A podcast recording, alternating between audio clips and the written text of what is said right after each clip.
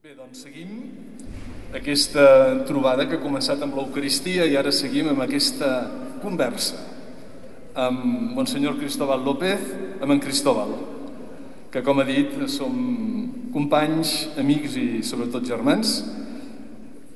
Des de fa molts anys vam compartir cinc anys intensos de comunitat quan érem joves, vam ser ordenats el mateix dia junts i vam fer el, a la mateixa hora i al mateix lloc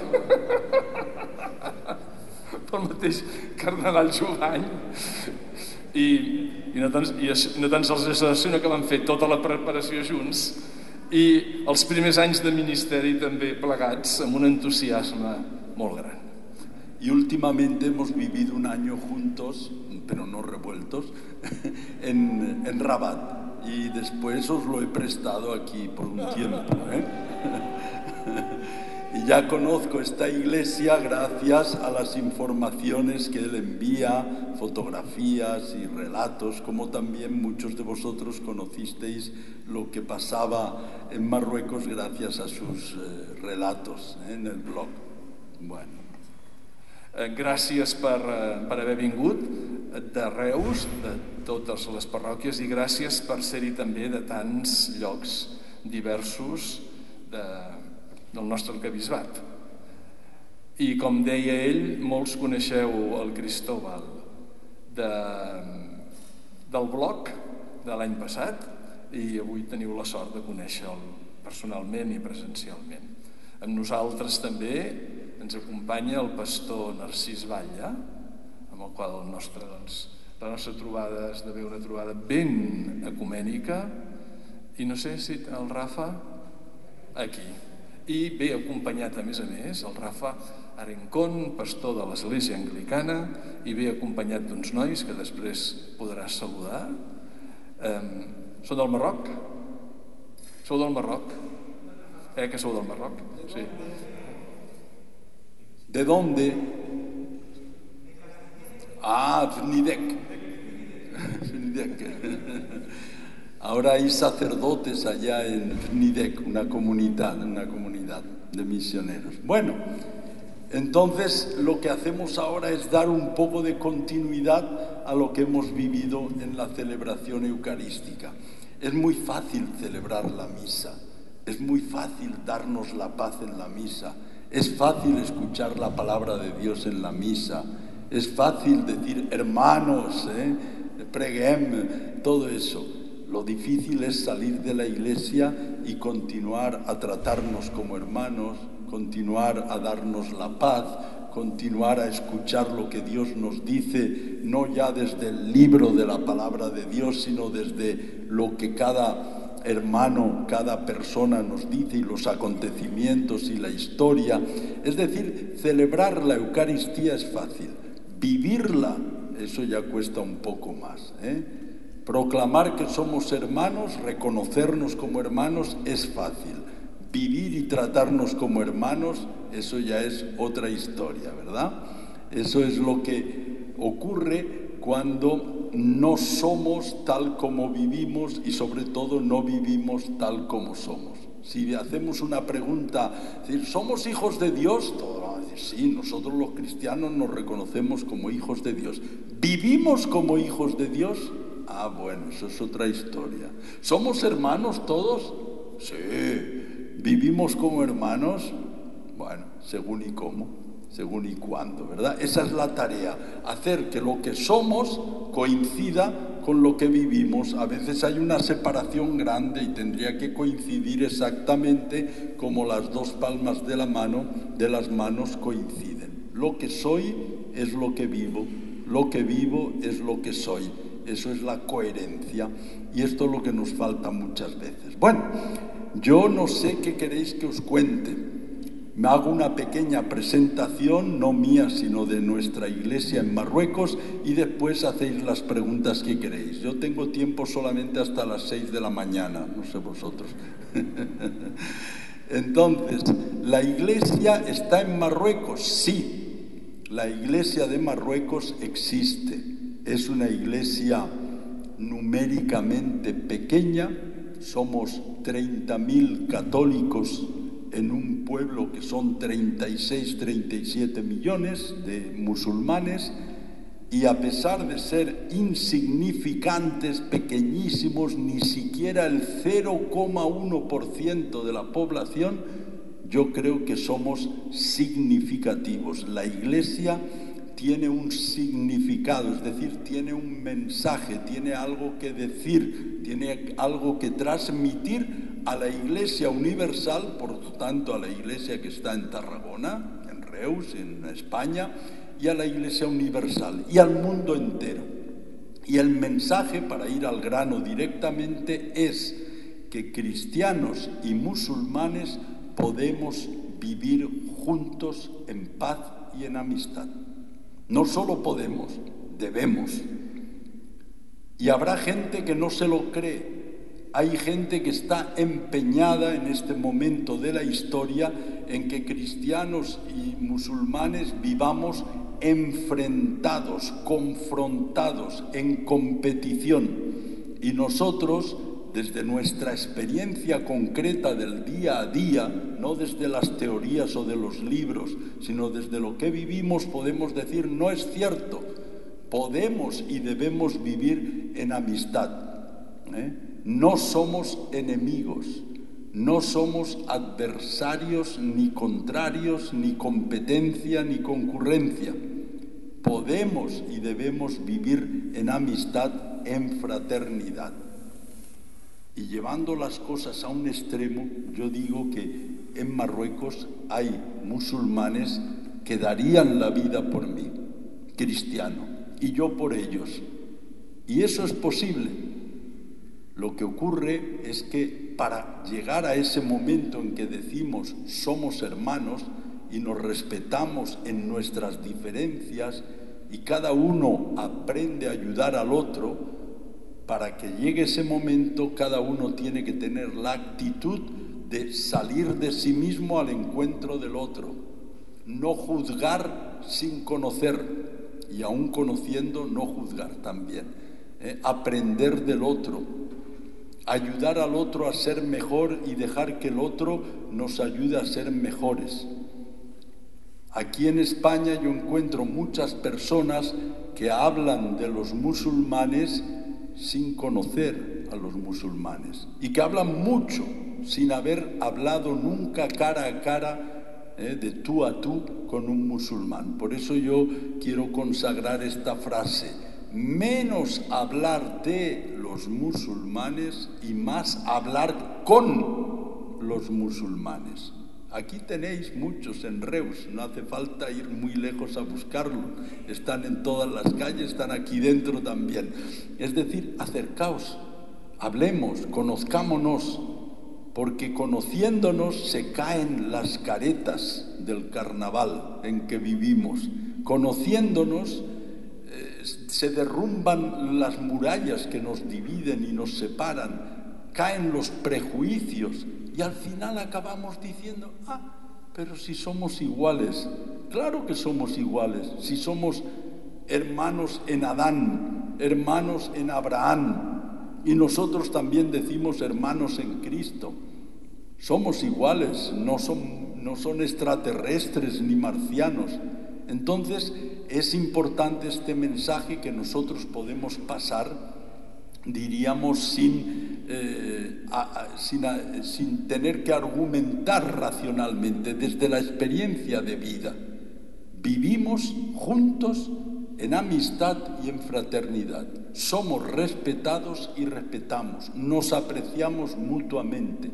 Es posible, claro que sí. No estamos atacándonos unos a otros otra frase que cae siempre chocantemente, digo que el Islam y el cristianismo no son la Coca-Cola y la Pepsi-Cola que se disputan el mercado y que buscan de arañar un poco, un 5% al otro, a ver quién gana, a ver quién somos más.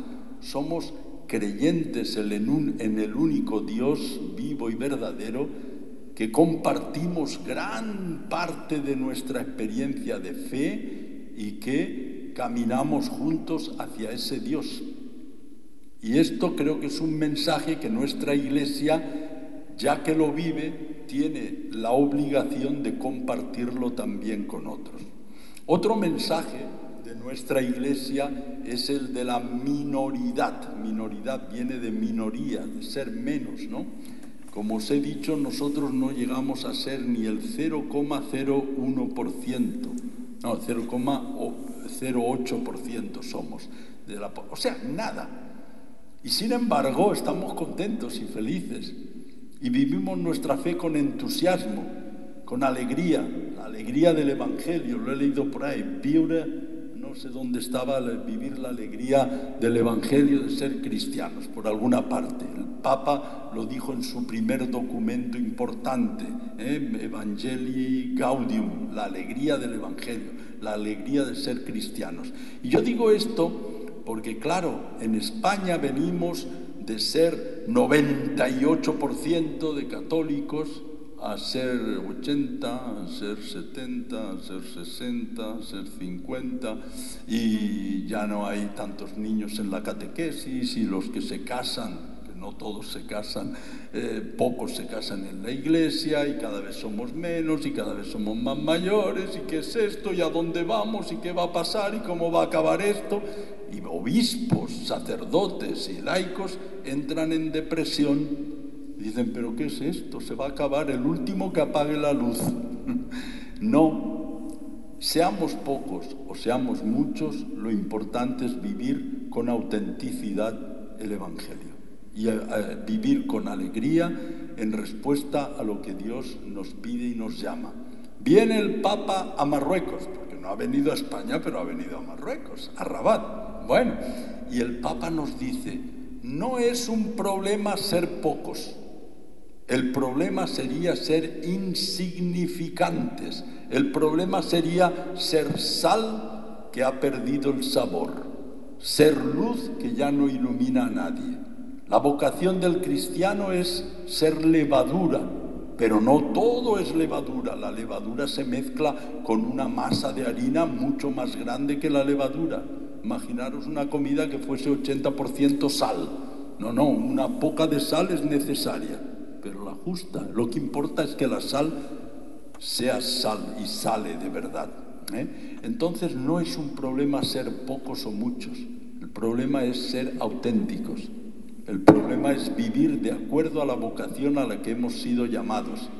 Y esto es lo que tenemos que intentar todos allí y aquí, hoy, ayer y mañana, siempre. Entonces, estos son los mensajes que desde Marruecos, humildemente, creo que nuestra iglesia, que no es solamente Marruecos, nuestra conferencia episcopal toma también Argelia, toma también eh, Túnez y Libia cuatro países, ¿verdad? Y más o menos en las mismas circunstancias, aunque en Libia están mucho peor, están en guerra. Entonces, esto lo queremos compartir en la medida en que podemos y yo aprovecho cuando tengo la oportunidad, a pesar del COVID, de venir a, España, Cataluña ahora, y poder eh, dirigiros la palabra. ¿Qué más os podría decir? Nuestra iglesia es una iglesia ecuménica trabajamos los pocos cristianos que somos, estamos unidos, protestantes, anglicanos, ortodoxos, católicos, formamos un pequeño comité ecuménico de iglesias, tenemos un instituto de, teología donde estudió Joan el año pasado durante cinco meses que se llama Instituto Ecuménico de Teología. Yo soy como arzobispo el copresidente, pero está la copresidenta que es la pastora eh, que reúne y que preside todas las iglesias protestantes que hay allá. Como los protestantes no tienen muchos templos e iglesias, entonces en las parroquias, por ejemplo en Usda, ves en la, en la puerta a las 10.30 o a las 10 Eucaristía, misa católica, a las 12 culto protestante. Y hay por lo menos seis o siete iglesias católicas donde los protestantes celebran a distinta hora, combinando las cosas, su culto. Y eso es muy bonito y tenemos una relación muy fraterna. Intentamos también ser una iglesia samaritana, no por la mujer samaritana en este caso, sino por el buen samaritano, que pasó, vio a uno herido y sin preguntarle quién eres, por qué estás así, quién te ha hecho esto, se inclinó sobre él, lo levantó, lo curó, lo puso sobre su cabalgadura y lo llevó a la fonda para seguir su tratamiento, su curación. ¿Verdad? Entonces nosotros intentamos también ayudar a los más vulnerables, las personas que están de paso migrando hacia Europa y sobre todo aquellos que están enfermos o son menores no acompañados o son mujeres eh, embarazadas o con niños pequeños. Entonces eso es el trabajo de Cáritas que nos hace ser una iglesia samaritana. Somos sobre todo una iglesia, como toda la iglesia, al servicio del reino de Dios. Y esto es una cosa interesante de pensar. Suelo decir que yo como obispo no trabajo para la iglesia. Esta mañana se lo decía vuestro arzobispo, a los miembros del Consejo Episcopal. Dice, ¿cómo no? El obispo no trabaja para la iglesia, entonces, ¿quién va a trabajar para la iglesia? Yo digo, no, no, yo trabajo en iglesia, porque soy iglesia, formo parte de la iglesia y trabajo como iglesia, como grupo, como comunidad, por el reino de Dios. El objetivo no es engordar la iglesia. El objetivo no es conseguir más adeptos o discípulos, menos todavía clientes. El objetivo no es número. La iglesia, dice el Papa, no tiene que ser autorreferencial. Es una expresión que ha inventado él, pero que es muy justa. Es decir, la iglesia no vive para sí misma no trabaja para sí misma, no es un fin, sino que es un medio. Jesús no vino a fundar una iglesia, vino a anunciar el reino de Dios, a inaugurarlo y a ponerlo en marcha. Y para que su misión continuase, fundó la iglesia, llamó a los doce apóstoles, a los discípulos y les dijo, id, etcétera, ¿no? Pero el objetivo no era tener una nueva religión y tener una nueva estructura societaria. El objetivo es que Dios reine en nuestros corazones, que Dios reine en nuestros países, en nuestras familias, en nuestras sociedades. ¿Y cuándo podemos decir que Dios reina? ¿Cuándo podemos decir en esta ciudad o en esta familia o en esta persona Dios reina? Cuando reina la paz, cuando reina la justicia, cuando hay libertad, cuando hay amor, cuando hay respeto a la vida, cuando se dice la verdad, cuando se lucha contra la corrupción, contra las desigualdades económicas, contra las injusticias. Entonces podemos decir, ahí reina Dios. Ese es el reino de Dios. Ahí está al menos un brote del reino de Dios, que ya está en medio de nosotros. Entonces el objetivo de la iglesia, de cada cristiano, es trabajar por el reino de Dios.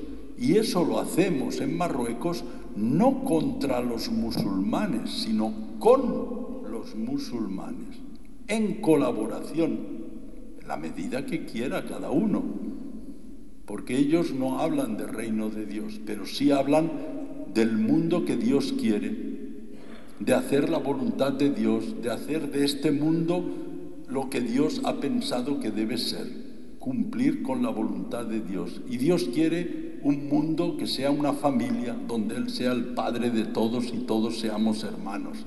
Y quiere un mundo de paz y de justicia y de libertad. Entonces cambia mucho la perspectiva. No importa, la pregunta no es, ¿somos más católicos ahora que hace 10 años o menos? Eso no nos importa mucho. La pregunta debería ser, ¿el reino de Dios está creciendo? ¿La gente vive mejor? ¿Con más dignidad? ¿Con más derechos? Y entonces diréis, ah, pero hay gente que no es creyente y trabaja por eso. Y sí, Sí. Y cuando se acaben los tiempos y llegue el juicio final, muchas de esas gentes que no creen, que no vienen a la iglesia, se oirán decir, ven tú bendito de mi Padre porque tuve hambre y me diste de comer, tuve sed y me diste de beber, fui extranjero y me acogiste. Y dirán, yo, si no te conocía, si yo no iba a misa. Dice, sí, pero cuando lo hiciste con uno de estos más pequeños, a mí me lo hiciste. Y a lo mejor otro se oirá escuchar, y tú a mi izquierda, porque tuve hambre y no me diste de comer, tuve sed y no me diste de beber. Y él dirá, pero yo iba a misa todos los domingos. Dice, sí, pero a la hora de la verdad no me recibiste cuando era extranjero.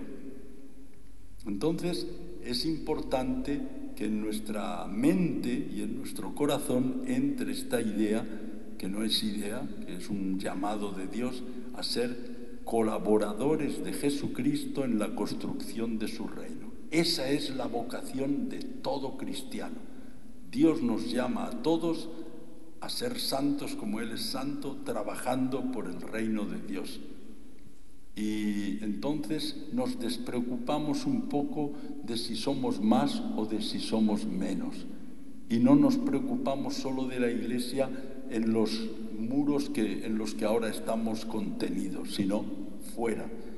Y es cuestión de llevar el Evangelio no tanto debajo del brazo, sino en el corazón y en la mente, para que salga solo allí donde estemos, en la familia, en el partido político, en la empresa, en la universidad, en la asociación de vecinos, donde sea. A veces sin necesidad de recitar relatos bíblicos o de dar citas evangélicas, sin necesidad de repetir el nombre de Jesucristo, pero haciendo realidad el mensaje que Él nos ha dejado y el nuevo mandamiento que Él nos ha dado. Amaos los unos a los otros como yo os he amado, gratuitamente, incondicionalmente y hasta las últimas consecuencias. Esto es un poco lo que intentamos vivir en la iglesia de Marruecos, una iglesia pequeñita, insignificante, pero significativa, una iglesia del diálogo y del encuentro, una iglesia que construye fraternidad, una iglesia ecuménica, una iglesia samaritana, una iglesia al servicio del reino de Dios. En nuestras comunidades somos todos extranjeros, pero la iglesia no quiere ser extranjera, quiere ser una iglesia encarnada en Marruecos, preocupada por conocer la realidad, la lengua, la cultura, la historia, la geografía de Marruecos, una iglesia que se pone al servicio del país en el que está, identificándose en todo como Dios que cuando quiso salvar al mundo se hizo hombre, se encarnó en Jesús de Nazaret, pues también nosotros queremos seguir esa metodología de la encarnación, de hacernos en griegos con los griegos y romano con los romanos. ¿eh? Bueno, ¿y qué más os podría decir? En nuestras comunidades hay más hombres que mujeres, hay más jóvenes que adultos y hay más negros que blancos, porque casi todos los cristianos son estudiantes universitarios subsaharianos. A pesar de que estamos en Marruecos, los cristianos vienen de Benín, de Togo, de Costa de Marfil, de Congo, de 25 o 30 países de África. Vienen a estudiar en las universidades marroquíes gratuitamente y con una beca que les da la UNESCO o Marruecos a través de la UNESCO y, y que son ya cristianos o que se hacen cristianos allí. El domingo estaré ya, si Dios quiere, en Marruecos presidiendo la Eucaristía en la catedral, que por cierto celebra su centenario, 100 años de la iglesia catedral de Rabat, para acoger a los 40 que bautizaremos en la noche de Pascua. 40 jóvenes, jóvenes adultos de 20 a 30 años, y que se preparan al bautismo. ¿Cuántas charlas vosotros diréis que habría que hacer para preparar a un joven universitario que quiere bautizarse? ¿Cuántas charlas les daríais? ¿Dos? ¿Cuatro? ¿Una? ¿Eh? Tres años, tres años cada semana de catequesis, de catecumenado. ¿eh? Y están los tres años, ¿eh? y siguen. Y a los tres años se bautizan, son bautizados y todavía les decimos, si quieres confirmarte, vas a hacer un año más. ¿Eh? Después de bautizado, la confirmación un añito más. Así están cuatro años con nosotros. Eso es muy bonito y decir, somos una iglesia muy católica, porque católico significa universal. Y si somos 30.000, somos de más de 100 países diferentes. Hay de todos los países de África, de todos los de Europa prácticamente, de muchos de América y de algunos de Asia y de Oceanía. Muy bonito, pero no es fácil construir la comunión entre todos, porque cada uno viene con sus costumbres, cada uno viene con su estilo, con su manera de pensar, con su formación, y aunar y unificar todo eso, pues no es fácil. Y otra característica de nuestra iglesia es que es muy móvil y muy cambiable, porque como son estudiantes universitarios, tres años después tienen la licencia o cinco años ya han hecho el máster y se van a su país o a hacer el doctorado a Austria o a Canadá o a Francia. Entonces, cada año se nos marchan el 25%. Felizmente que vienen otros, porque si no en cuatro años nos quedábamos en cuadros, sin nadie. Sin embargo, gracias a Dios y gracias a las decisiones tomadas por las autoridades marroquíes que no dejan que de, invitar a nuevos estudiantes, pues eso se va renovando y estamos siempre recomenzando, retomando, lo cual exige mucha paciencia y también mucha perseverancia. Es como el maestro que cada año empieza con unos niños que no saben leer y escribir, les enseña a leer y escribir y cuando ya saben pasan a segundo grado y él tiene que empezar otra vez con otros niños, recomenzar. Esa espiritualidad del educador y esa paciencia del educador la tenemos que tener también nosotros porque estamos siempre recomenzando. Estamos intentando marchar juntos, caminar juntos en sínodo, que es lo que significa sínodo, es marchar juntos, porque convocamos un sínodo diocesano. Aparte de este sínodo en el que toda la iglesia está empeñada, nosotros tenemos nuestro sínodo, diríamos, para Rabat. Y cuando este sínodo de que el Papa ha convocado ya acabará, nosotros seguiremos con el nuestro diocesano para responder a esta pregunta. Siguiendo a Cristo, ¿qué iglesia debemos ser hoy y aquí en Marruecos? ¿Cómo debemos vivir nuestra vida cristiana aquí y ahora? Y bueno, en esa aventura estamos, la aventura de caminar juntos al servicio del reino de Dios en unión con todos los cristianos y con los musulmanes y personas de buena voluntad que quieran ir adelante con nosotros.